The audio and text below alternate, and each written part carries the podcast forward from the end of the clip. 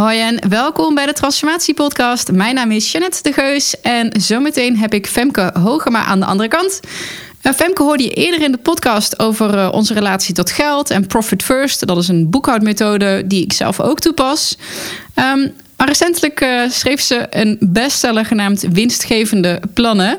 En ik vond het dus echt heel erg tof om haar terug te vragen. En het niet alleen over geld verdienen en geld vragen voor je producten of diensten. Uh, maar vooral wat er voor nodig is om als je plannen, dromen of idealen hebt, om die om te zetten in iets wat daadwerkelijk werkt. En in het geval van een ondernemer is dat natuurlijk centjes op de bank. Maar je kan dat natuurlijk ook uh, groter trekken en ook de parallellen zien, bijvoorbeeld in wat we onze live crafting trainingen doen. En dat komt omdat het niet alleen over spreadsheets en budgetten, uh, begrotingen gaat, maar ook vooral over visualisatie, verbeeldingskracht en overtuiging. Ja, ik vond het echt een heerlijk gesprek.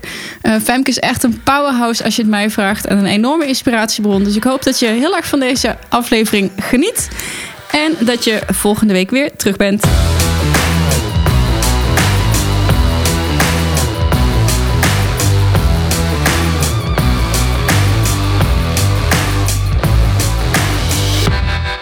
De Transformatie-podcast wordt gesponsord door iemand die ik echt heel erg cool vind. En dat is uh, Anatol Kuspeta van New Life University. Ik ontmoette hem tijdens de opname en dat was niet alleen een, een bijzonder inspirerend gesprek, maar ook echt een uh, directe klik in visie, missie, manier van werken, wat ze proberen te bereiken ook. Dus ik ben er echt onwijs trots op dat hij de podcast wil sponsoren. En ik verwijs je dan ook heel erg graag naar www.newlifeuniversity.com com slash transformatie. Uh, daar geven ze namelijk een gratis NLP-cursus uh, weg. En dat is online. Uh, en daarnaast krijg je 10% korting als je besluit om hun 15-daagse weekendopleiding te volgen. Um, en dat is een opleiding waar je next level leert communiceren, presenteren, meer zelfvertrouwen krijgt, meer energie en leert omgaan met neg negatieve gedachten. daar is een kortingscode voor en dat is heel verrassend. Transformatie. Um, dus nogmaals, ik ben er onwijs trots op. Ik vind Anatol en zijn bedrijf en wat hij doet en hoe hij dat doet en hoe hij in de wereld staat echt, um, ja, thumbs up. Ik kan me daar helemaal in vinden. Dus uh, go check it out. newlifeuniversity.com slash transformatie. En de Transformatie Podcast wordt ook mogelijk gemaakt door jou, door jouw enthousiasme, de lieve appjes, berichtjes, de emmetjes die ik krijg, uh, net als de reviews en de 5 sterren ratings. Maar ook jouw aankopen bij bol.com via mijn affiliate link, eh, donaties die ik via de crowdfunding ontvang en deelname aan uh, bijvoorbeeld onze online training, maar ook onze real life trainingen van de 12 Waves Academy. Dat maakt dat deze podcast zichzelf kan bedruipen en ik hier dus op deze manier in alle vrijheid door kan gaan met zoeken naar inzichten, inspiratie, reflecties en antwoorden. Uh, alles waarvoor je hierop intuned. Meer informatie vind je op transformatie-podcast.nl. Um, gaan wij heel snel door met de aflevering. En dan zijn we er weer. Ja. Femke, Jeannette, voor de tweede keer. Ja, geweldig. Want de eerste keer sprak ik jou over Profit First. Ja. Op je kantoor. En uh, vond ik een hele mooie, heel mooie uh, veel, aflevering. Veel leuke reacties op gehad. Oh, dat, laten we daar even kort beginnen. Dat vind ik misschien wel leuk. Dat is nu anderhalf jaar geleden, denk ja. ik. Uh, wat is er, uh, what happened? Um, nou, op de podcast heb ik wel leuke reacties gehad, met, maar mensen nog steeds, tot op de dag van vandaag, die zeggen: Oh, ik heb je gehoord in de podcast van Jeannette en wat een mooi verhaal en wat inspirerend. En dat is, dat is, dat is gewoon leuk. Dat is leuk dat mensen um, je horen en daar dan ook op reageren. En, um, en ik denk dat het was ook een hele mooie podcast, omdat ja, het ging ook ergens over. We gingen de diepte in. En dat, dat is mooi. Ja, en over ja. geld en de overtuigingen die ja. je kan hebben rondom geld. En als iemand niet luistert en die denkt, huh? Ja. Femke, podcast, geld, waar gaat het over? Ik weet even de nummertje niet uit mijn hoofd. Um, maar die is dan ook echt wel de moeite waard. Ja. Maar in de tussentijd...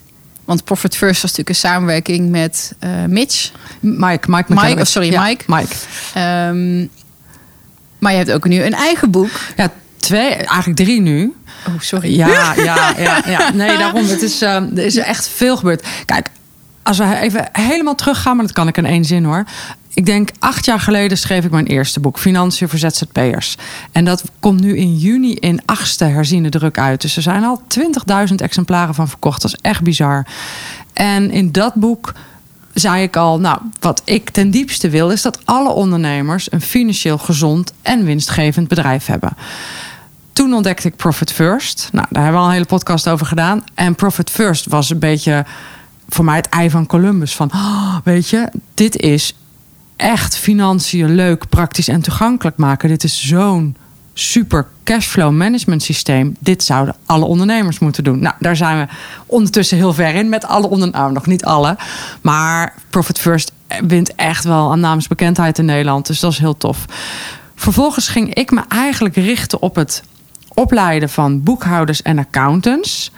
Uh, dus minder rechtstreeks met ondernemers. En toen dacht ik, ja, daar heb ik eigenlijk ook wel wat over te vertellen. Dus toen heb ik een boek geschreven. En dat is nu anderhalf, ruim anderhalf jaar geleden, De Winstadviseur. Nou, dat heb je denk ik niet zo meegekregen, omdat het echt gericht is op boekhouders en accountants. En dat is enorm goed aangeslagen, want ondertussen heb ik gesproken bij Exact en bij Yuki en in België en grote accountantskantoren, Alpha Accountants, 216, dus all over the place, omdat, ja, omdat ik best wel een vernieuwend geluid geef over wat ik denk dat een boekhouder zou moeten doen. En dat is dus niet in vakjargon alleen maar praten over balans en winst- en verliesrekeningen. Dat moet een boekhouder niet doen. Um, ja, en toen zat ik zo in de flow. Toen heb ik afgelopen zomer heb ik, uh, winstgevende plannen geschreven. En dat boek heb je langs zien komen, want dat is echt ja, dat, ik wilde dat boek heel graag op één hebben. Nou, dat is ook gelukt. Staat ook leuk in het eerste hoofdstuk. Ja, dat staat uh, ook in. leuk verhaal. Ja. ja. over je overtuiging en dat het zo belangrijk is. Ja, als nou een boek gaat schrijven, zo van, ach, we zien wel. Nee, het was gewoon een bestseller. Het is best wel ballen, omdat toen je het typte... Ja, toen bestond het nog niet. Nee, en nee. ja, je ging ik ook, ga het wel drukken. En uh, moet ik het wel waarmaken? En hoop je niet dat het uh, in een Bruno-bakje Precies, precies. En dat kan natuurlijk wel, want ja, um, dit is wel mijn eerste boek wat op één is gekomen. Profit First heeft zelfs niet op één gestaan. Dat is op drie gekomen. Mijn andere twee boeken zijn tot zeven gekomen. Het is niet makkelijk om een boek op één te krijgen. Dus dat ik dat opschreef, ja, dat, dat was best wel ballen. Of ook wel een tikje arrogant. Hè? In positieve zin arrogant. Van, ja. nou, dat ga ik gewoon doen. Overtuigd. Overtuigd. En, uh, en dat is ook gelukt. Al was het wel heel moeilijk. Want Simon Sinek had net een boek uitgebracht. En die stond op één. Aha. Dus ik moest Simon Sinek verslaan. Maar dat is gelukt. Ja, Simon even een mailtje stuurt. Ja, van, ga weg. Nee, maar het is gelukt. En het leuke is, uh, Winstgevende Plannen is geëindigd als negende best verkochte boek van heel 2019. En Simon Sinek als tiende. dat vond ik dat stiekem toch wel leuk. Ja, en nou, om dan het verhaaltje even af te maken. Winstgevende plannen uh, schreef ik echt weer voor ondernemers. Uh, en uh, ja, dat was, dit is een, een, een boodschap die ik eigenlijk al zes jaar heb voor ondernemers. En daarvan dacht ik, ja, het wordt tijd om dat in een boek te zetten. en dat schreef ik eigenlijk heel makkelijk en heel snel, omdat het zo al in mijn systeem zit. Dat heb ik, ja, ja, je leeft, je ademt dat. dat ik heb het letterlijk gewoon opgeschreven. Ik ging gewoon zitten en ik schreef het boek en toen was het klaar. Ja. ja. ik vind het heel tof. Ik heb, ik, eerlijkheid, ik heb hem gisteren pas gelezen. En dan denk je, huh, lees je dat in één dag? Ja, je leest het in één dag. Um, en toen dacht ik meteen, kut. meteen, ik moet die plek gaan vinden in mijn agenda. Om nog een keer te gaan zitten. Um, en om echt even te gaan zitten voor een aantal van de opdrachten die erin staan. Want ik denk dat heel veel mensen, en ook als niet-ondernemer, ja, vaag weet, heb ik het wel ongeveer. Net als met het cashflow ding. Ja, ongeveer weet ik het wel ergens. Maar Jeannette, dat is toch het hele grote probleem met alles. Ik, heb, ik ken dat zelf ook. Iedere keer als ik een boek lees en ik word er nu wat beter in, dan is mijn eerste gedachte is: dit weet ik al. En in alle eerlijkheid is weten dus in die zin volstrekt zinloos. Het heeft geen enkele zin om alles te weten. Het gaat erom dat je een aantal dingen echt gaat doen. En dat is met Profit First ook. Het heeft helemaal geen zin om te snappen dat het werkt. Je moet het doen. En dat is ook met winstgevende plannen. Natuurlijk vind ik het heel leuk als mensen zeggen: Ja, en ik herkende heel veel en het heeft me geïnspireerd. En dan vraag ik: Heb je nou dat winstgevende plan gemaakt? Nee, nog niet. En dan denk ik: Ja, maar daar gaat het om. Je moet het doen. En ik vond het zo vet, want ik heb dat wel gedaan. Niet helemaal zo, zoals jij het deed, maar wel echt met spreadsheetjes. Nou, een aantal scenario's. Dit is waar ik naartoe wil. Dit is als die half is verkocht. Dat, hè, en wanneer wordt het nog rendabel of niet? Dus die sommetjes was ik al wel gewoon om te maken. Um, ik vind het heel grappig. heb in de vorige, niet de vorige aflevering, maar geleerd dat ik van de pragmatische generatie ben. Mm. En volgens mij, wij waren even oud, dacht ik, of ongeveer. Ik ben 44. Ja, dan ben je, ik ben dus van 80. Oh, Maar volgens nou, mij ik val jij in ik dezelfde, in dezelfde Ja. generatie.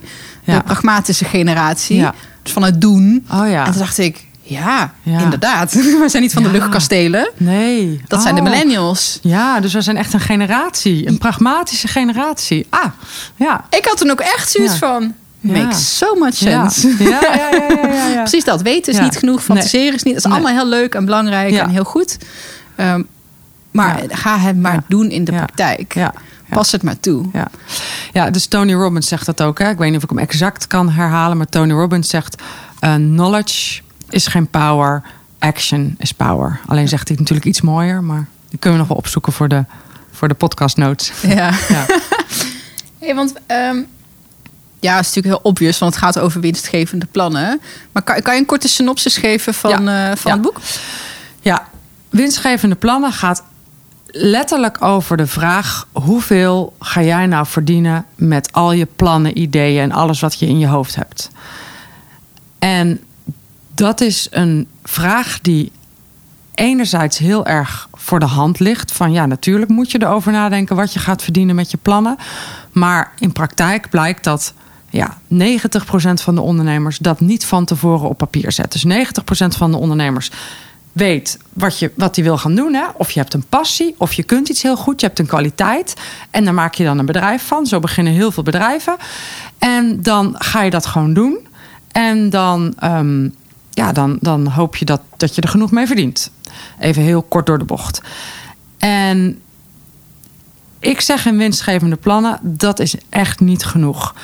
Ehm, een bedrijf is niet een kwestie van gaan doen wat je leuk vindt of wat je goed kan en dan hopen dat je er geld mee verdient. Dat is geen bedrijf. Een bedrijf betekent dat je dat wat je goed kan en leuk vindt, dat je dat je dat gaat vertalen in producten. En een product kan zijn een dienst of een fysiek product, kan zijn een programma of voor mij part een uur.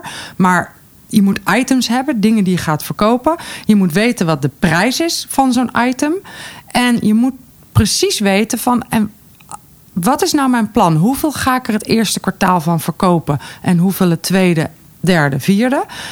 Dan bereken je eigenlijk vooraf hoeveel omzet je gaat maken met alles wat je wil gaan doen.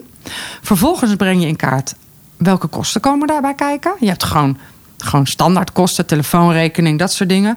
Maar je hebt ook hele specifieke kosten die je gaat maken om jouw plannen te realiseren. Misschien moet je meer personeel aannemen. Uh, misschien moet je investeren in software, verzin het maar. Dat breng je ook in kaart. En dan bereken je dus letterlijk vooraf hoeveel winst jij gaat maken met je plannen. Nou, dan kun je ook nog uitrekenen hoeveel belasting je moet betalen, hoeveel salaris je eruit haalt als je een kleine ondernemer, een ZZP'er bent. En dan weet je dus van tevoren, als ik ga doen wat ik in mijn hoofd heb, verdien ik er dan genoeg geld mee. En dat is een super inzichtgevend proces. En ik hoor nu al mensen, ja, maar. Ja, ja tuurlijk. Er zijn heel veel grote maars. Ja, maar ik doe het vanuit flow. Ja. En we zijn nog in conceptfase. Ja. Want, hè, en dat, ik ben blij dat wij daar inmiddels, niet, niet wij, maar dat bijvoorbeeld Velfeest daar inmiddels uit is. Dat die product market fit, zoals het dan heet, dat dat er staat. Dat dat er staat. Dus dan kan je echt gaan rekenen. Nog een keertje opnieuw. Ja. Uh, maar heel veel startende ondernemers zijn daar nog niet. Uh, ja, maar ik doe het vanuit flow ja. en intuïtie. Die zag ik ook in het ja. boek voorbij komen. Ja. En ik, ik ben heel erg van de en-en. Uh, ik geloof niet in zwart-wit. Ik, ben, ik zal ook nooit tegen je zeggen dat dat moet je niet zo doen. Of dat. Ik geloof heel erg dat ieder uh, dat iedereen het anders doet en dat heel veel manieren de juiste manier zijn. Dus ik geloof ook in flow. Sterker nog, ik doe heel veel dingen in flow. Eén voorbeeld: ik heb um, mijn tweede boek, De Winstadviseur, heb ik uh, laten vertalen in het Engels. Dat was een gigantische investering. Daarna heb ik een uitgever gezocht om het uit te geven internationaal. 31 maart ligt het over heel de wereld in de boekhandel, Amazon, maar ook wel in boekhandels uh, als het goed is. En um, als je me nu vraagt, heb je dat van tevoren berekend hoe je daar geld mee gaat verdienen? Nee. Als je me nu vraagt, maar wat wil je daar dan eigenlijk mee met een internationaal boek? Dan zeg ik tegen je, ik weet het niet. Ik, ik wilde dit gewoon doen. En ik geloof dat dit goed is. En ik weet ook zeker dat het me ergens gaat brengen op internationale podia. En nee, ik heb hier geen plan mee. Ik heb dit echt gedaan vanuit een weten. Dit is mijn volgende stap. En ik heb niks uitgerekend. En uh, ik weet niet eens of ik de investering van de vertaling echt in harde euro's terug ga verdienen. Want aan een boek verdien je bizar weinig. Um, maar alleen maar op flow ondernemen, alleen maar op deze manier ondernemen, ja, dat is gewoon heel erg stressverhogend. Als Fijn als je een hele grote spaarpot ja, achter je hebt Als je alles op die manier doet, dan zou ik s'nachts echt wakker liggen van... holy fuck, kan ik nog boodschappen doen? Gewoon stress. Dat levert stress op. Dus ja, natuurlijk in flow ondernemen. Maar dat is niet het enige antwoord op de vraag. Je moet ook gewoon een plan hebben. En dan is het ook nog eens zo dat je een plan waarschijnlijk niet 100% gaat uitvoeren. Maar dat is ook niet de bedoeling. Het is niet de bedoeling dat je een soort wedstrijdje doet. Wie kan het beste van tevoren uitrekenen? Dat is niet het idee. Het idee is dat je erover nadenkt. Als ik dit ga doen, wat ik in mijn hoofd heb, maak ik daar dan winst mee? En dan zeg ik altijd: en als je dit op papier niet winstgevend krijgt, krijg je het in het echt ook niet winstgevend. Want klanten gaan niet per ongeluk meer betalen. Dat gebeurt niet. Dus als jij niet op papier iets kan schetsen waar je geld mee verdient, gaat het in het echt nooit lukken. Um, dus ja, tuurlijk flow. Maar in, in de flow zeilen is ook leuk. Hè? En dan spontaan picknicken op een leuk eilandje. Maar je moet wel een soort van globale richting hebben. Anders verdwaal je op je zeilboot. Dus tuurlijk spontaan en flow. Maar wel, wel zet ook een plan uit. Zonder plan kom je helemaal nergens. En je mag je plan aanpassen. Maar dan maak je een nieuw plan. Um, en, en, dus dat is er één uh, van ja, maar. maar en, en een andere heel veel gehoord bezwaar is. Uh, maar ik weet toch niet hoeveel klanten mijn training gaan kopen. Hoeveel mensen er intekenen op mijn workshops. Hoeveel boeken of, of uh, weet ik veel gezondheidsreepjes ik verkoop. Dat weet ik toch niet. En um, dan zeg ik, en ook dat is niet relevant. Want het gaat erom dat jij uitrekent dat hoeveel je gaat verdienen als jij zoveel deelnemers hebt als jij nu in je hoofd hebt.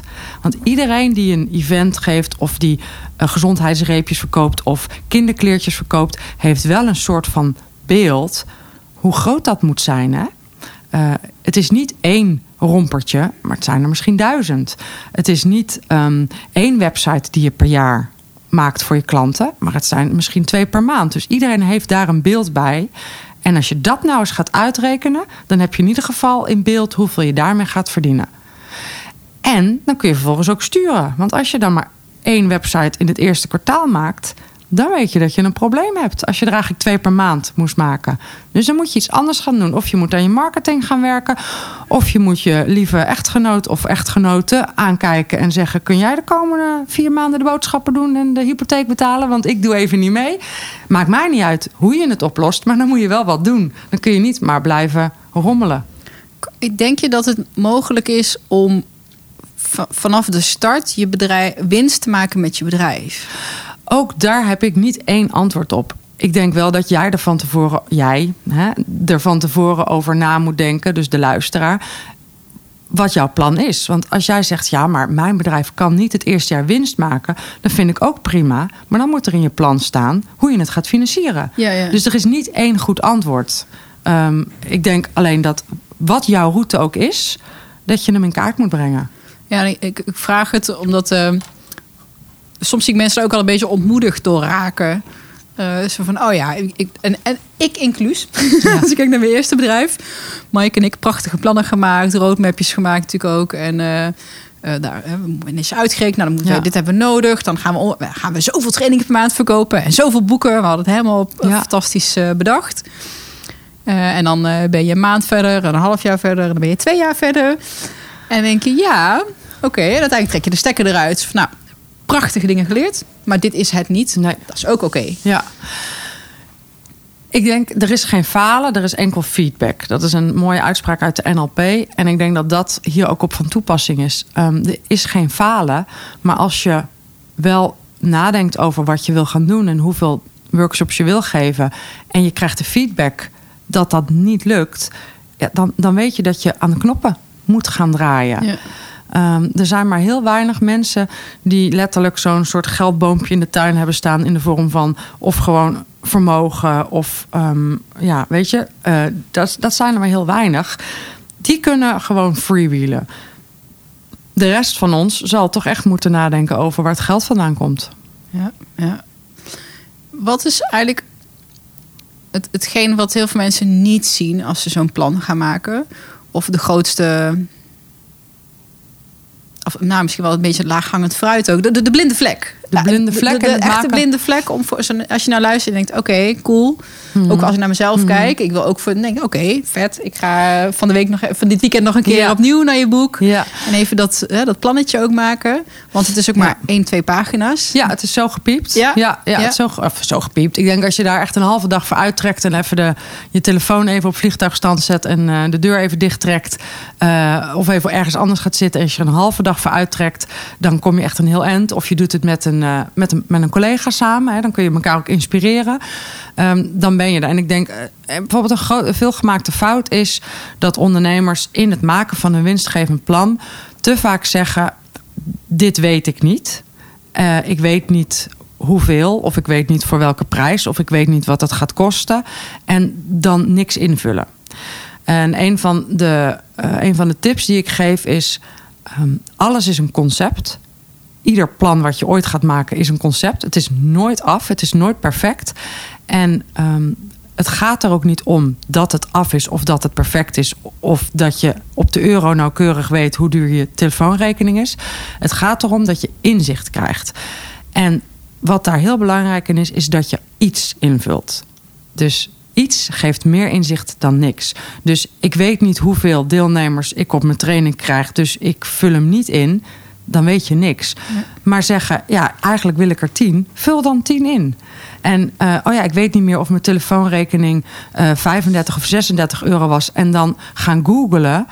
Dat kost tijd. Doe dat niet. Vul wat in. 35 of 36 of 40 of 30. Maakt me niet uit. Vul iets in. En dan de details volgen later wel. Maar zorg dat je binnen die eerste twee, drie uur dat je eraan werkt een eerste omzetbedrag hebt voor een heel jaar, een eerste kostenbedrag, een eerste winstbedrag een eerste salarisbedrag, een belastingbedrag, of eigenlijk anders zo'n belastingsalaris, zodat je een eerste beeld hebt. Um, dan kun je aan knoppen gaan draaien. Dan kun je zeggen: ik ga een aantal dingen verfijnen. Of ik ga eens kijken wat er gebeurt als ik minder deelnemers heb. Of ik dan nog steeds positief draai. En dan kun je aan de knoppen gaan draaien. Maar zorg dat je zo snel mogelijk een, een omzet en een winst op papier hebt staan. Ik weet nog dat ik in een, uh, in een event van Michael Platschik uh, ben gaan staan in zo'n zaal. Oh ja. Uh, fucking eng natuurlijk. Zo van ja, uh, wanneer weet je wanneer het niet lukt? Ja. Want iedereen is natuurlijk, ja, weet je wel, ga door en zet door. En we hadden een mooie plan gemaakt. En dan kom je erachter van, oké, okay, ik kan wel aan de knoppen draaien, maar... Ja, mooie vraag. Ja, ja, en het stomme is dat ik niet eens meer precies zijn antwoord weet. maar meer wat het met me deed om het te vragen. En eigenlijk wist ik toen al van oké, dit is het dus niet. Ja. Um, volgens mij stelde hij mij toen letterlijk de vraag wat mijn verwachte omzetdoel was. Mm, dus hij ging eigenlijk, ja. eigenlijk zo van oké, maar wat is dan je doel? Want ja, als je, als kun je niet toetsen of het niet lukt. Ja, precies. En toen stond ik een beetje met mijn mond vol tanden. Zo maar ja, uh, twee ton, weet je wel. Dat is dan zo'n magisch bedrag wat je als ondernemer dan per jaar, zeg maar. Uh, oh, als je twee ton omzet, dan, uh, dan, heb, je, wel, dan ben je wel, heb je een bedrijf. Ja. Geen idee waar dat dan vandaan komt. Ja. um, Maar is dat iets waar, wat je herkent? Waar mensen zeggen, ja, oké, ik heb het gepland en ik kan ja, aan de knoppen draaien. Ja. Maar uh, en ja. dan de frustratie dat het niet lukt. Ja, en dan, dan, um, zeg ik, dan zeg ik wel ook altijd, er is geen falen, er is enkel feedback. Um, dan, heb je, dan heb je nu de feedback of dat je veel te snel hebt willen gaan. Dat je vanuit niks naar twee ton wilde in één jaar. Nou, er zijn mensen bij wie het wel lukt. Dus ik zal nooit zeggen dat het onmogelijk is. Maar het gros van de mensen heeft wat meer tijd nodig. Um, en, uh, en dan, dan krijg je feedback. En dat is, dat is confronterend. Want ligt het dan aan je marketing? Ligt het aan dat je product geen antwoord geeft op de echte vraag van jouw klant? Heb je geen ideale klant, waardoor je een beetje in de grote grijze massa verdwijnt. Ben, is je bedrijf niet efficiënt genoeg, waarvoor je, waardoor je veel te hard moet werken om veel te weinig te verdienen. En dan krijg je al die vragen, maar die, die, um, die feedback die krijg je pas als je weet wat je eigenlijk wil. Ja. Dan pas kun je die feedback krijgen. Dus ja, het, is, het maakt het ondernemerschap wel eerder confronterend, denk ik. Je kunt minder lang je verstoppen in eh, het komt wel goed.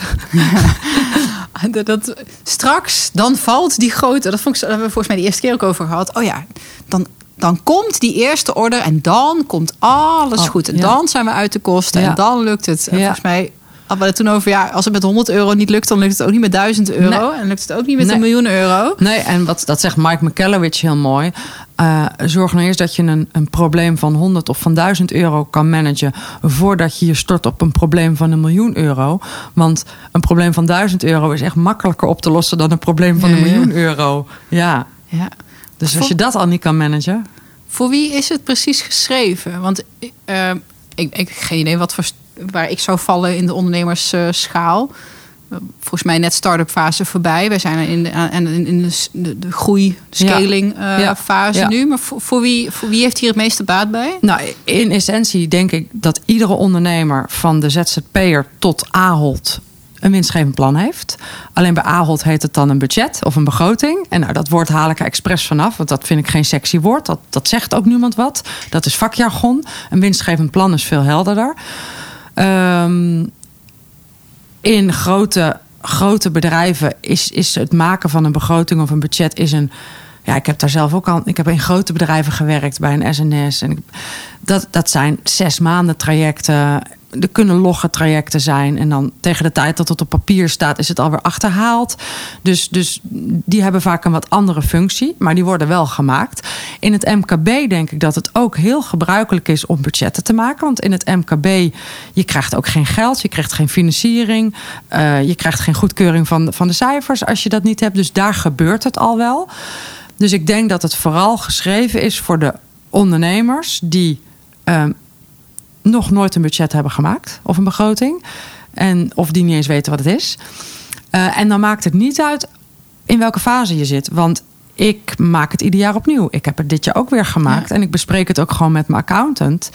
Ehm, en ik doe het volgens mijn eigen proces. En misschien is dat nog wel leuk, dat hebben we nog niet eens genoemd. hè. We hebben het alsmaar over cijfers en omzet en kosten. Het leuke van het winstgevend plan, zoals ik het in het boek beschrijf, is dat je start eigenlijk op een hele visueel aantrekkelijke manier.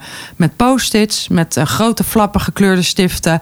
En daar, daar vallen al de eerste kwartjes en maak je het al heel inzichtelijk. Dat kun je gewoon zelf doen. Je zorgt gewoon voor of een witte muur of een flap overvel. Heel veel post-its en stiften. En pas in de laatste stappen ga je echt met een rekenmachine of misschien met Excel aan de slag. Ehm, en, eh, maar, en zo doe ik het zelf ook nog steeds. Ik begin ook vaak nog opnieuw toch weer met die posters. Omdat je het dan zo visueel maakt van... Waar het dan meestal mee begint is dat ondernemers denken... serieus? Wil ik dit allemaal in één jaar gaan doen? Dat Wat staat kan helemaal niet. Is het een timeline met de producten Ja, die je wil dat is verkopen? een timeline met de producten die je wil verkopen. Dus dan zeg je bijvoorbeeld... oké, ehm, ik wil ehm, websites bouwen... Ik wil websites eh, onderhouden en ik wil een online training geven, websites zelf maken. En ik wil een event voor websites. Noem maar even wat. Hè. Dat zouden je vier producten kunnen zijn als je iets met websites hebt. En dan ga je dat op post-it schrijven, maar dan ga je dat ook opplakken op de muur. En wanneer ga ik dat dan doen? En hoeveel dan in januari en hoeveel in februari? Nou, dat proces, dat, die eerste stap, is al super inzichtelijk, omdat ehm, ondernemers dan zien: ik wil veel te veel. Want ik wil in maart wil ik een nieuw product lanceren en in april wil ik mijn event vol hebben. Maar wanneer ga ik dat dan promoten? Dus dat kan niet. Ah, dan moet dat event dus naar mei. Maar dan wou ik naar Amerika. Dus dan, dan wordt het juni, dat is zomer. Dan wordt het september. Oh, dan ziet het er ineens heel anders uit. Of, ja, nou goed, dat soort dingen gebeuren er dan. Dus in antwoord op jouw vraag, voor wie is het? Ik denk voor alle ondernemers die, nou ja, ZZP, klein MKB, die nog nooit een begroting hebben gemaakt. Ieder jaar opnieuw. Dus het, het stopt nooit. Je moet Ja. het ieder jaar opnieuw doen. Ja, Ja. ja. die... ehm, Oké, post-its. Eerste Ja. fase. Ehm, en dan? Ehm, dan ga je aan die post-its ga je bedragen koppelen. Dus dan zeg je van oké, dat, eh, en dat, dat doe je vaak eh, in Excel of dat kun je ook nog wel even opschrijven. Maar dan ga je de bedragen aan koppelen. Dus uh, oké, uh, iedere maand twee websites. Een website verkoop ik voor 1500 euro. Dat is 3000 per maand. Uh, event. nou, dan ga je dat helemaal in kaart brengen. Zodat dat er aan het eind van de rit een omzetbedrag staat. Bijvoorbeeld 2 ton of 1 ton. En dan maak je, daarna pak je de volgende stap om dit te realiseren. Om deze omzet, deze doelen te realiseren. Welke kosten komen daarbij kijken? En dat is dus voor alle ondernemers relevant. Want ik heb uh, nu 1 maart mijn eerste officiële werknemer in loondienst. En ik vind werknemer niet helemaal passend, want ze is meer een businesspartner. Maar ze is wel in loondienst. Dat doe ik niet op onderbuikgevoel van het lijkt me zo leuk. Dat ga ik echt wel in mijn winstgevende plan uitrekenen van wat betekent dat? En want dat is, je draagt een risico als je iemand in loondienst hebt. Dus wat betekent dat? En toen mijn winstgevende plan mij liet zien: ja, dit is, dit is haalbaar. Toen zijn we die gesprekken aangegaan. Um, dus, um, dus dat is dan de volgende stap: het kijken welke kosten komen hierbij ja. kijken. Ja. En wat, wat ik zo gaaf vind ook ja, aan, nou, aan jou, maar ook aan je aanpak. Um, je zet alweer met een ander geluid. Je bent niet de prototype uh, account. Nee, je bent geen accountant, nee, maar niet, geen, niet een, een, prototype uh, cijferdame, zeg maar, om het dan nee. zo maar even te zeggen. Nee. nee. uh, en ook de aandacht voor je overtuiging die erachter zit. Ja. Nu ook in dit boek. Ik, was, ik had het helemaal niet verwacht dat het al eigenlijk basically vanaf bladzijde 1 is het ook van oké, maar hoe sta je? Wat is je money mindset bijvoorbeeld? Hoe wat is geld voor jou? Wat is, wat is, maar ook wat is ondernemerschap voor jou? Ja. En dat vind ik wel heel. Ook daar wordt denk ik heel snel overheen gestapt. Um, en daar heb ik natuurlijk vorige keer natuurlijk wel een beetje over niet best wel uh, ja, over best wel de geldmindset uh, gehad. Maar ook als ondernemer zijnde, ja. daar kom ik nu zelf ook achter. Want we zijn, we gaan, het is niet meer alleen maar ik die iets aan het doen ben. Ik heb ook een team. We hebben plannen en het, en, en, het wordt groot en het is te gek. Maar dan kom, loop je ook weer tegen andere aspecten van jezelf aan. Ja. Mensen aansturen. Uh. dat is moeilijk. Jezus, wat ben ik een. een ah, ik ben verschrikkelijk. Oh, ja? ik, ben, ik ben nooit voor mij gaan werken. Nee, nee. Nee? Oh. nee, dat is overdreven. Maar ik, weet, ik ben heel direct. Oh, ja. Super direct en heel ambitieus. En dan ga ik pap, pap, pap. Ja. Want ik ga timeboxen. En ik heb natuurlijk heel veel verschillende dingen. Ja. Dus dan ga ik een halve dag, zeg maar, zit ik echt. En dan kan ik iemand wel in één keer overstelpen. En denk ik, oh, oké, okay, dat komt dan wel. Ja, ja, ja, ja, ja. ja. ja. Is dat iets. Hoe zit dat bij jou? Wat je herkent? Ja, dat zijn. Um, money mindset is ook zo'n zo'n zo'n ding. Daar moet ik altijd een beetje om grinniken. Ik heb jarenlang heel veel boeken gelezen. En dan dacht ik dus ook altijd, waar we dit gesprek ook mee begonnen. Ja, dit weet ik al. Ik, weet, ik weet al dat je je mindset moet managen. Maar er is wel ook daar weer echt een heel groot verschil tussen het weten en het doen. En ik vind het, een, ik vind, het is bijna een filosofische vraag, maar ik vind het een hele intrigerende vraag. Van wat is nou in essentie de reden dat de ene ondernemer wel succesvol is en de ander niet? En um, natuurlijk, er zitten heel veel aspecten in ondernemerschap. Het gaat over Misschien gaat het al over geld, over beginkapitaal. Het gaat misschien wel over kennis die je hebt, de opleiding die je hebt. Een beetje. Hè. Ik denk dat ondertussen de meeste mensen wel weten dat dat niet het allerbelangrijkste is. Het gaat over hoe je je marketing doet. Maar dat kun je leren. Het gaat over hoe je verkoopgesprekken voert. Dat kun je leren. Het gaat over of je product aansluit bij je klant. Dat, dat moet je, daar moet je over nadenken. Maar als je dat helemaal afpelt, dan zijn dat allemaal dingen die um, die, waar, waar kennis over is. Waar we kennis over kunnen vinden. Waar we boeken over kunnen lezen. Waar we opleidingen in kunnen volgen. En in essentie kan iedereen in mijn ogen dat dus leren. Iedereen kan leren hoe je al die dingen doet. Dus wat maakt dan alsnog dat de ene ondernemer succesvol is en de andere niet? Ja, dan is toch wel mijn conclusie de gedachte die je zelf hebt. Dat maakt het verschil. Ja. Dus als ik denk dat een dienst van 1000 euro veel te duur is, is het onmogelijk om hem te verkopen. Dus ik kan pas iets verkopen als ik het zelf helemaal geloof. Um, als ik denk dat ik nooit een miljoenenbedrijf zal hebben, dan zal ik nooit de juiste acties uitzetten om dat te creëren. Als ik denk dat het onmogelijk is om een boek op één te krijgen, dan lukt het ook niet. Want dan ga je, ga je niet de juiste acties uitzetten. Als ik denk dat Nederlandse boeken die voor een superkleine doelgroep geschreven zijn, namelijk accountants, nooit vertaald gaan worden. Uh, dan ga ik niet eens kijken of ik een uitvinder kan vinden. Want dan, dus wat jij denkt over je bedrijf en over wat je kan en waar je heen wil en wat mogelijk is, dat is, ja, is toch wel mijn conclusie. Dat is uiteindelijk bepalend voor je succes.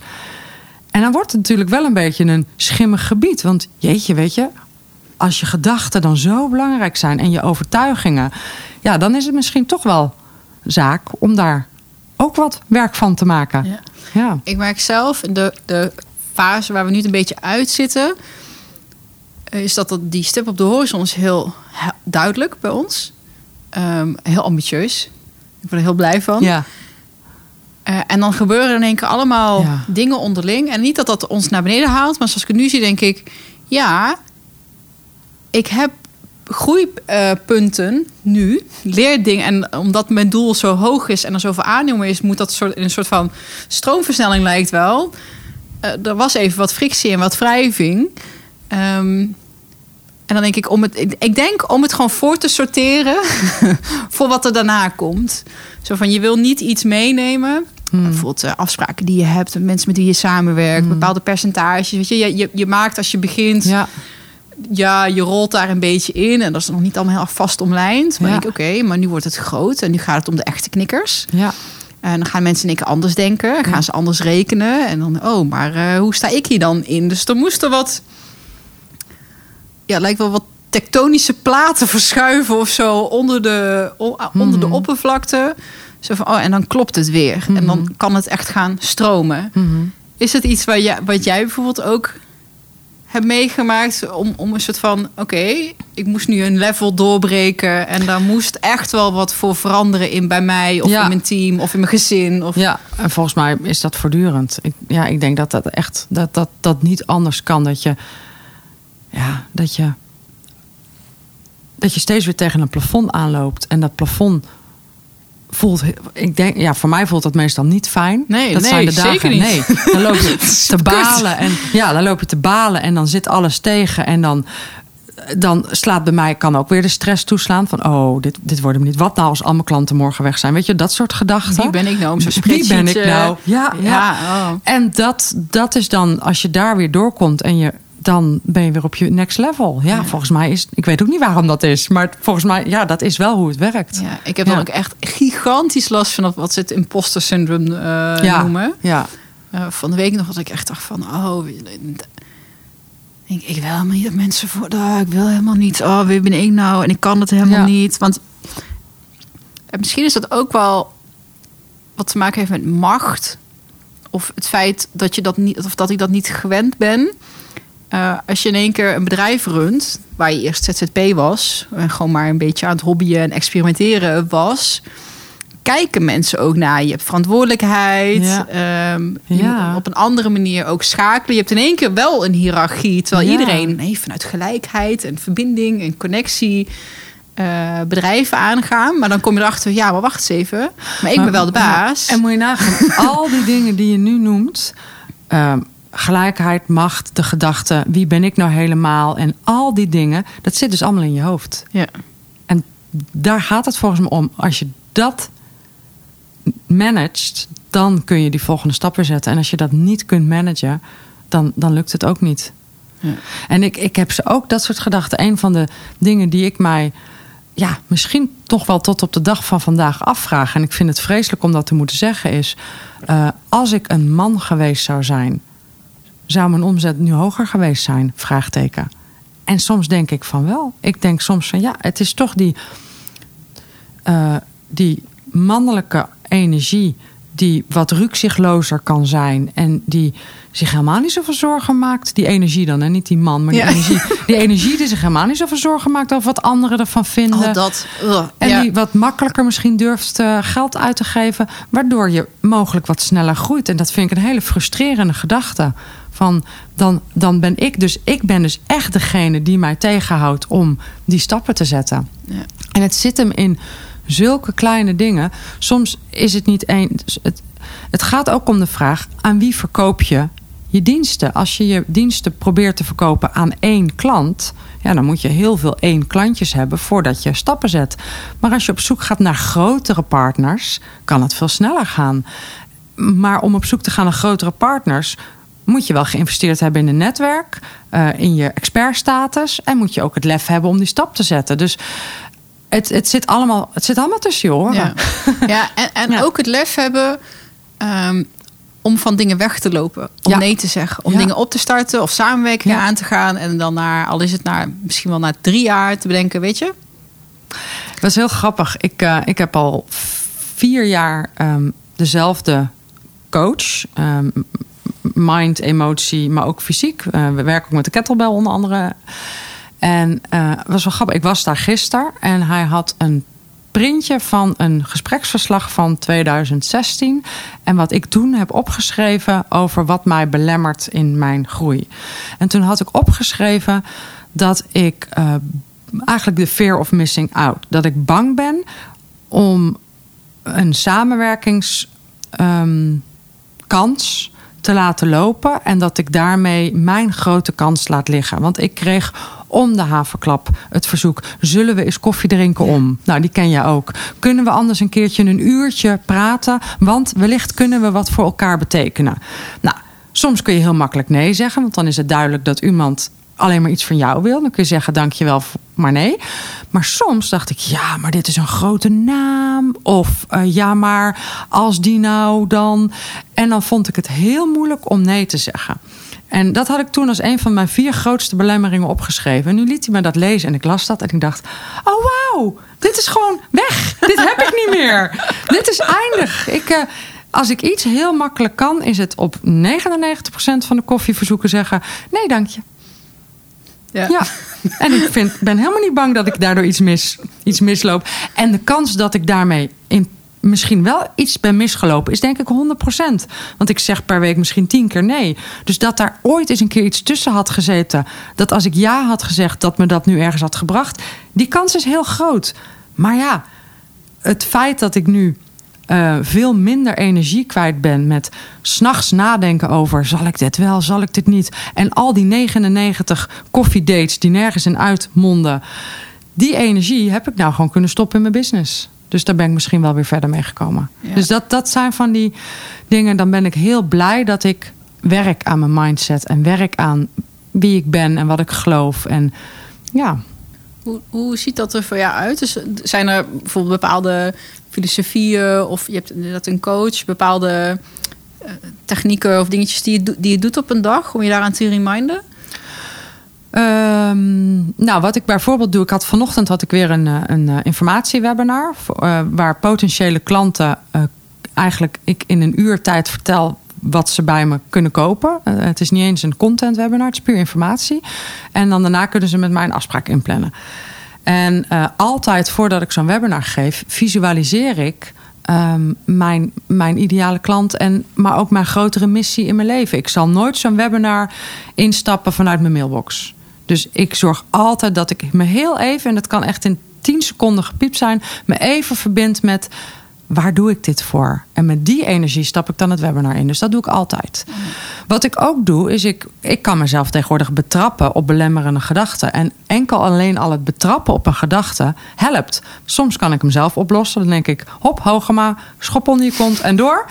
En soms lukt het me niet. Maar dan vraag ik hulp. Dan bel ik of mijn beste vriendin of ik stuur mijn coach een WhatsAppje. Heb je vijf minuten? En dan zegt hij ja, want dan betaal ik hem voor om dan ja te zeggen. Um, en dan, dan manage, manage, ik het op die manier. Dus ja, ik, ik, ik ben daar wel heel actief mee. Ja.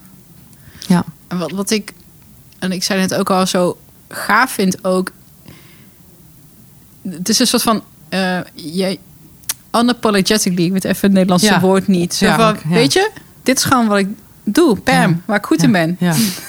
ga ik gewoon verstaan. En dat wordt gewoon nummer één. En ik ga gewoon een miljoen. Weet je wel? En dat is inderdaad wel iets, een soort van mannelijke arrogantie doorgaans. Of standvastigheid of eh, zelfvertrouwen. Niet arrogantie, maar gewoon zelfvertrouwen.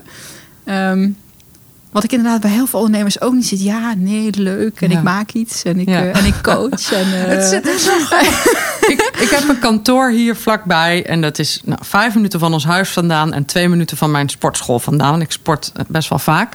En ehm, mijn man die wilde vanmiddag op mijn kantoor werken. Wat kan, want ik zit nu bij jou. En daarna ga ik de kinderen van school halen. Dus... En ik zei, dat is goed, maar dan moet je de sleutel even komen ophalen op de sportschool. Nou, toen keek hij een beetje bedenkelijk. Kun je hem niet uh, komen brengen? En toen zei ik, nee, ik werk morgen. Net zoals hij, maar hij wou die sleutel hebben. En, um, maar ook een beetje arrogant. En ik breng hier brood op de plank. Hij ook. ja. Maar dat was verder niet zo relevant. ik ook. En uh, dus nee. En dat, het is een beetje die energie. En ja. hij kan er natuurlijk ook wel om lachen. Van, hmm. uh, maar het is ook die energie die, ja, die heb je wel gewoon nodig. Ja, ja. ik vind het zo leuk. Ik, toevallig dit weekend. Um, mijn vriend was er. Uh, en ik doe toch gewoon lekker mijn eigen dingen. We werken al twee knijterhard. En uh, hij was een klein beetje hangry. Dus toen kwam de keuken binnengestopt. Een beetje zo, beetje zo mopperend dat er nog geen eten was. Oh ja. ik kijk hem aan. Hoor ik nou? Oh, ik dacht dat je de telefoon was. Nee. Ik denk, sorry hoor, dat ik in mijn huis en in mijn leven gewoon even vijf minuten in mijn hangmat ga liggen om mijn eigen boekje te lezen. ja. Komt wel. En als Ja. je honger hebt, je weet toch waar het eten staat. Ja. Maar eh, gewoon een klein beetje zo van ja, wij zijn super zorgzaam Ja. en heel ambitieus. Ja. En alles kan en alles mag. Maar hé, kom op hé. Dus zo van, je kan die sleutel gewoon even komen halen, weet je wel.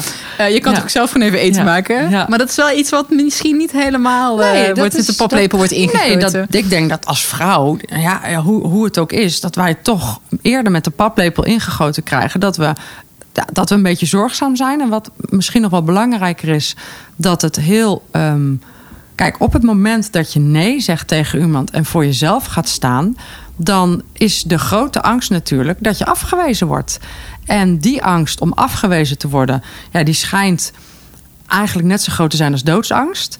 Dus ja, daar, daar, daar beginnen we niet aan als mens, als vrouw. Maar als ondernemer is dat echt, denk ik, de, de angst die je echt als eerste moet overwinnen. Want Ja. je gaat fucking vaak afgewezen Ja, worden. ja. Er gaan heel veel mensen zijn die en jouw product niet je willen kopen. Groeit. Ik bedoel, jij hebt misschien ook een mailinglijst, maar anders hebben veel luisteraars een mailinglijst. En als je een mailinglijst opbouwt, op een gegeven moment zit je dan op 100 abonnees. 500 abonnees, 1000 abonnees. Maar dan gaan zich mensen afmelden. En dan heb je op een gegeven moment één afmelding en vijf afmeldingen. En die kunnen best wel pijn doen. En, het, eh, en dat moet je leren ook, Ja. om daarmee om te gaan. En op een gegeven moment had ik een, een campagne was ik gestart. En toen kreeg ik op één dag 345 afmeldingen van mijn e-maillijst. En ik, ik knipperde nog niet eens met mijn ogen. Ik denk, ja, ik bedoel, het is een getal. Whatever, weet je? En je denkt dan, ja. oké, fijn. Dat zijn Ja. 350 mensen die dus nu niet meer geïrriteerd raken... omdat Ja. ze niet bij mij op de juiste plek zijn. Precies. Maar ook dat zijn dingen die je moet leren. Want de eerste keer dat je een afmelding krijgt, denk je... hoezo wil jij mijn mails niet lezen? Ja. Wat heb ik fout Wat heb ik gedaan? fout gedaan? Vind je me niet meer aardig? Ja, dus dat is... Ja. Ja, en dat is denk ik, en volgens mij wat NLP ook wel heel goed leert. Oké, even uitzoomen. Wat gebeurt er nu? En kan ik ook er op een andere manier naar kijken? Bijvoorbeeld zeggen, Ja. oh, wat fijn dat die 350 Ja. mensen weg zijn. Want nu is mijn lijst zuiverder. Ja. Eh, een stukje goedkoper ook. Want je Stuk moet betalen. goedkoper, precies. Ja, ja precies. Ja. Ja, dus, dat, dus dat komt er wel allemaal ja, bij kijken is niet eens het goede woord. Het is allemaal één ding. Ja, ik denk durf, succes. durven ja. nee zeggen, maar ook het durven loslaten van klanten of mensen of producten of Ja. die, die, die het dan maar gewoon niet zijn. Ja. Ik zie of mensen gewoon een beetje verzamelen en niks los willen laten. Oh, dan hebben ze 15 producten. Ja. Maar wat doe je dan precies? Ja. Ehm, Ja, ja. En als, als je dan terugkijkt naar winstgevende plannen, dan gaat dat over het, het, de antwoord op de vraag: kun je geld verdienen met dat wat je doet? En in essentie gaat het over de vraag: creëer jij je eigen succes?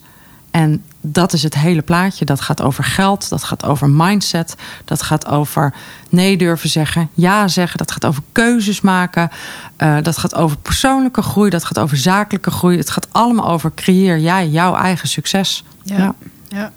En je zei al, eh, Tony Robbins. Heb jij andere grote eh, inspiratiebronnen op dat vlak? Nee, Tony Robbins is echt wel mijn, mijn held. Is echt een held. Ik, en ik denk ook wel eens aan van wat zou Tony doen? Dan denk ik, dan zit ik ergens mee en denk, wat zou Tony doen? Weet je, een lastige vergelijking, want Tony heeft geloof ik 40 bedrijven die allemaal een paar miljoen, tientallen miljoen. Dus ik ben nog niet, maar toch denk ik wel eens. En dan, dat, dat is wel heel relativerend, denk ik. Hij, hij zou dit niet eens weten.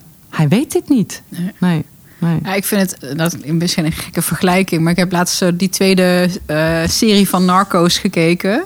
Oh ja, ik ken niet. Eh, ja, zo'n Ja. Netflix-serie.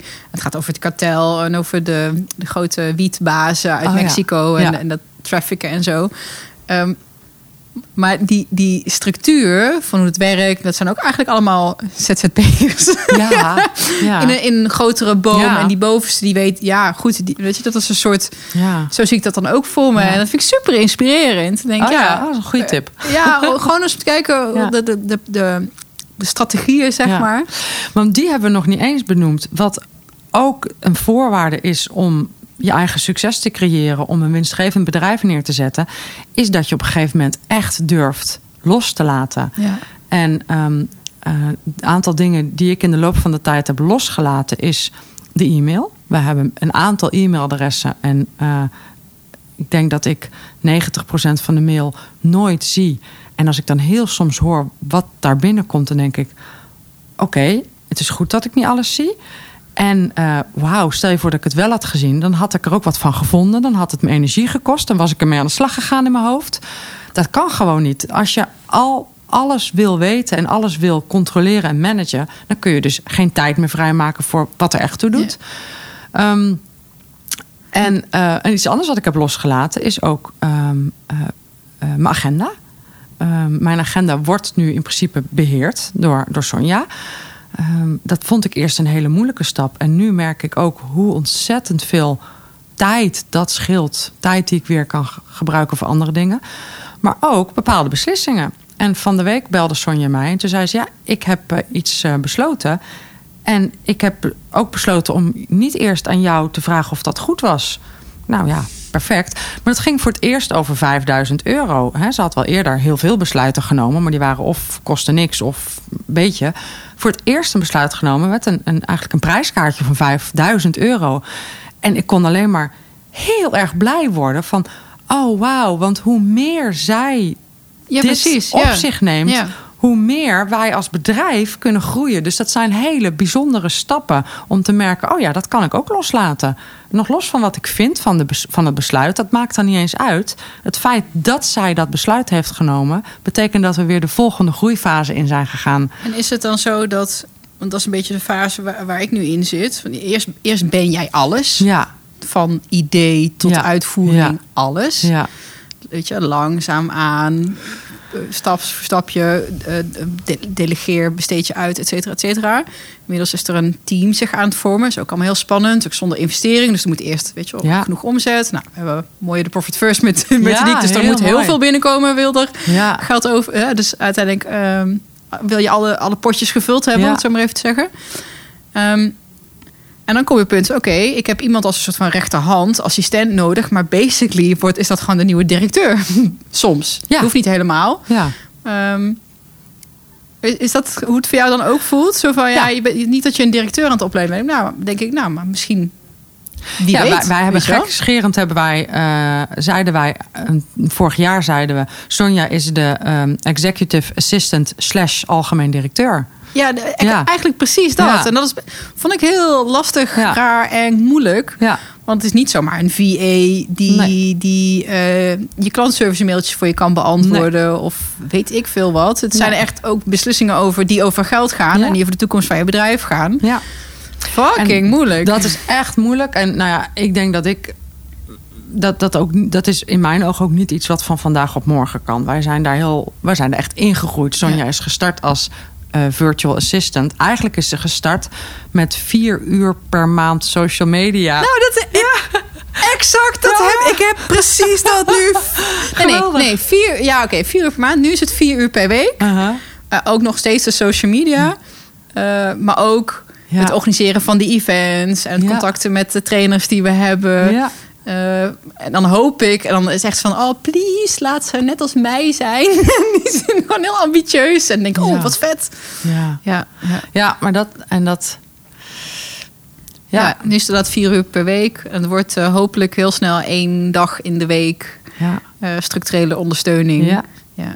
Nou ja, en dan wordt het twee dagen, en dan wordt het drie dagen, en dan wordt het vier dagen. En dan, nou, Voor je Sonja- heeft zij weer een eh, assistent nodig. Ja, nou ja, de Sonja Ja. heeft een assistent. Ja. Sonja is nu eh, operational manager en of als assistent. We hebben ook nog een VA.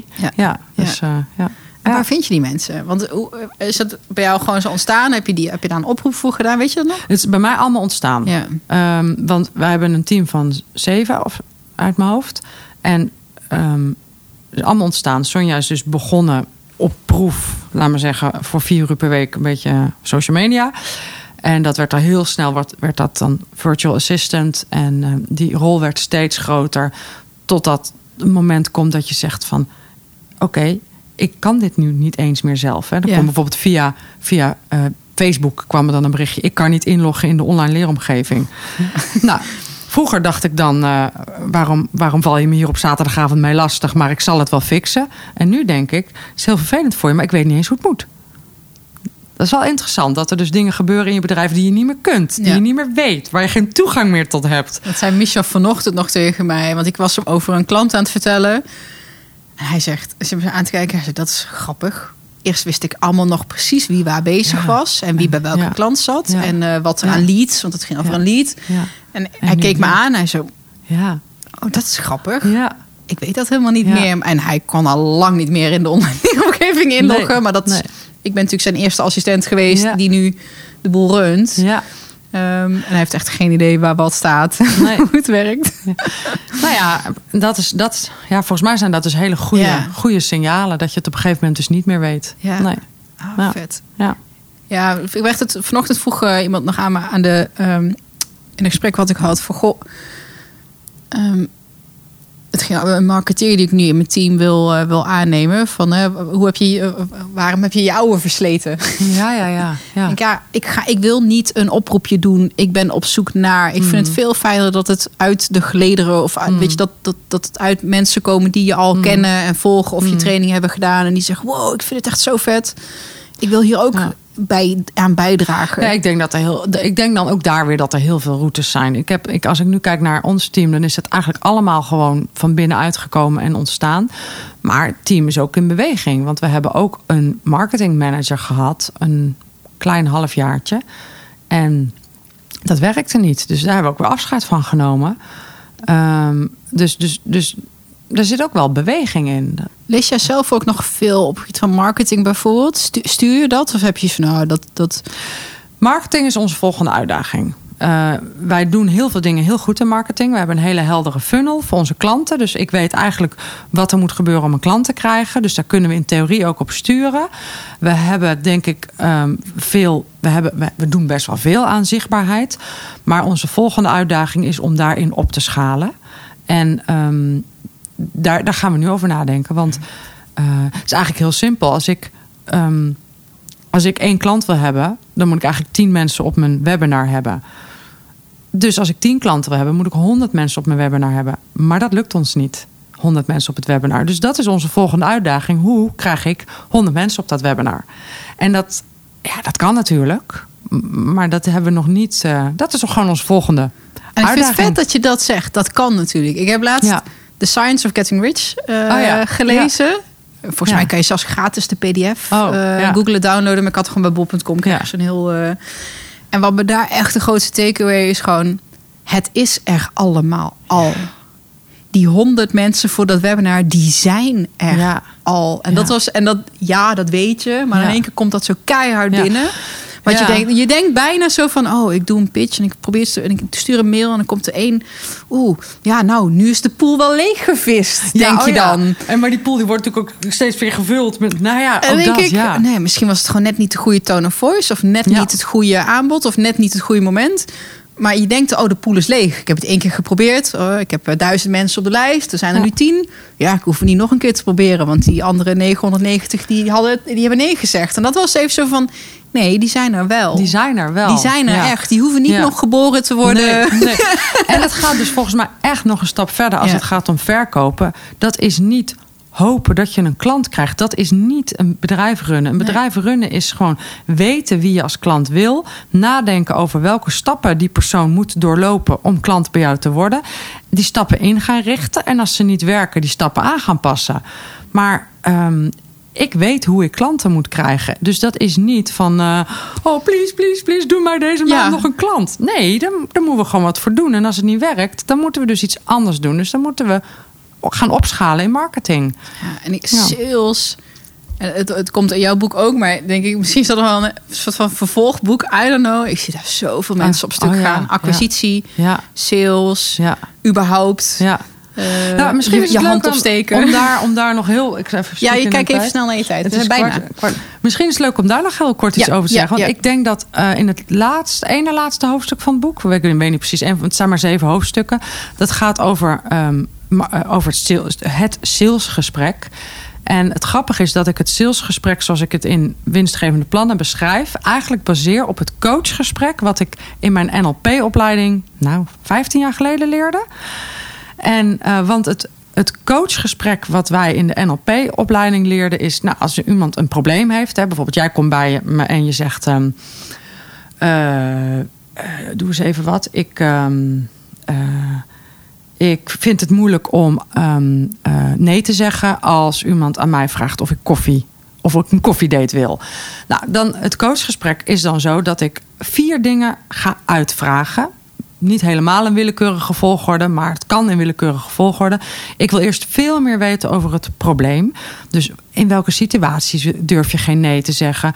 Hoe vaak gebeurt dat? Kun je een concreet voorbeeld geven? Wat voel je dan? Wat denk je dan? Dat ga ik helemaal uitvragen. Dan ga ik uitvragen wat je wel wil. Van, en wat wil je dan eigenlijk wel?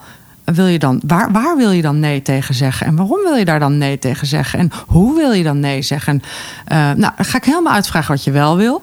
Vervolgens ga ik uitvragen. En hoe komt het nou dat je, dat, dat nog niet lukt? Dus wat, wat staat er nou tussen? Wat is nou de hindernis? Waarom lukt het je niet? Want op zich, je kunt praten, hè, dus je kunt nee zeggen. Dus wat, wat staat er dan in de weg? En tot slot, dat is het vierde punt. En wat zou, jou, wat zou je kunnen helpen? Wat zijn de hulpbronnen? Uh, is dat dat we gaan oefenen? Of nou, dat ga ik ook uitvragen. Nou, dat is een manier om iemand te coachen. Dat is precies hetzelfde wat je eigenlijk wil doen in een salesgesprek. Dus als ik jou iets wil verkopen, stel ik wil jou mijn training verkopen, mijn training winstgevende plannen, dan ga ik niet mijn training lopen pitchen, want dat is gewoon schieten met los kruid. Dat dus ik pas datzelfde model toe. En dan vraag ik aan je: vertel eens, waar loop je tegenaan bij je bedrijf? Waar loop je in je financiën tegenaan? Hoe gaat dat met groei van je team? Nu snap ik waarom ik dat zo leuk vind. Waarom je wat zo leuk vindt? Nou, om dat soort gesprekken te voeren. Ja. Bij bedrijven, met HR, Ja. whatever. En niet juist omdat het geen sales pitch is, maar omdat je dus Ja, je kan gaan gewoon- praten je gaat over... gewoon hey. Een oprecht, puur Ja, geïnteresseerd gesprek aan. En ik vraag, je vraagt eerst helemaal uit: wat is de huidige situatie? Waar loop je tegenaan? En de grote fout die de meeste ondernemers maken, is dat ze daar één vraag over stellen, maximaal, en meteen naar hun product schieten. En dat is te snel. Dus je wil eerst weten: wat is het probleem? Ook bij jou wil ik weten.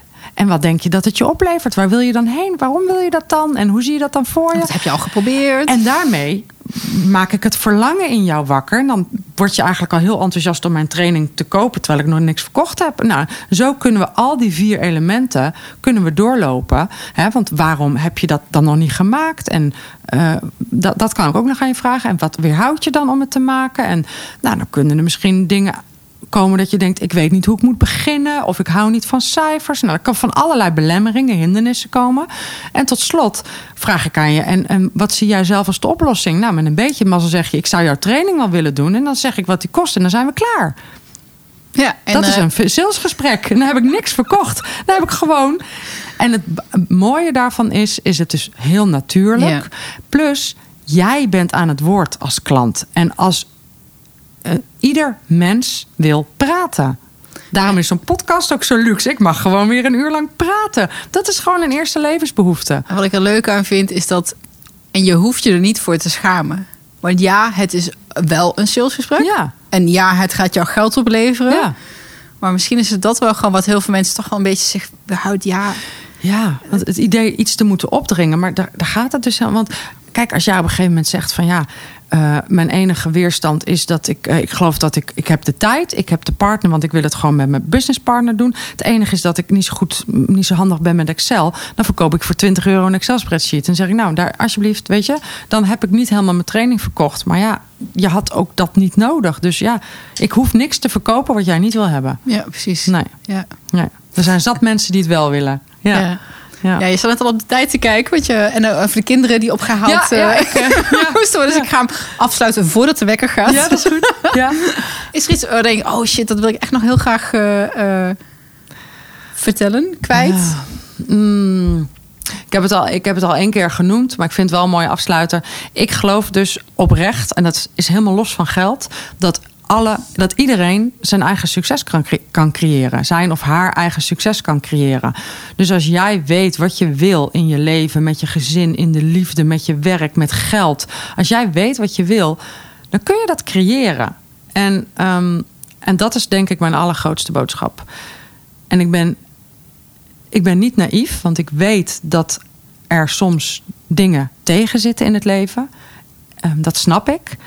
En dat is ook waar. Dus nee, het zal niet altijd lukken. Maar je kunt wel de juiste acties uitzetten om het te creëren.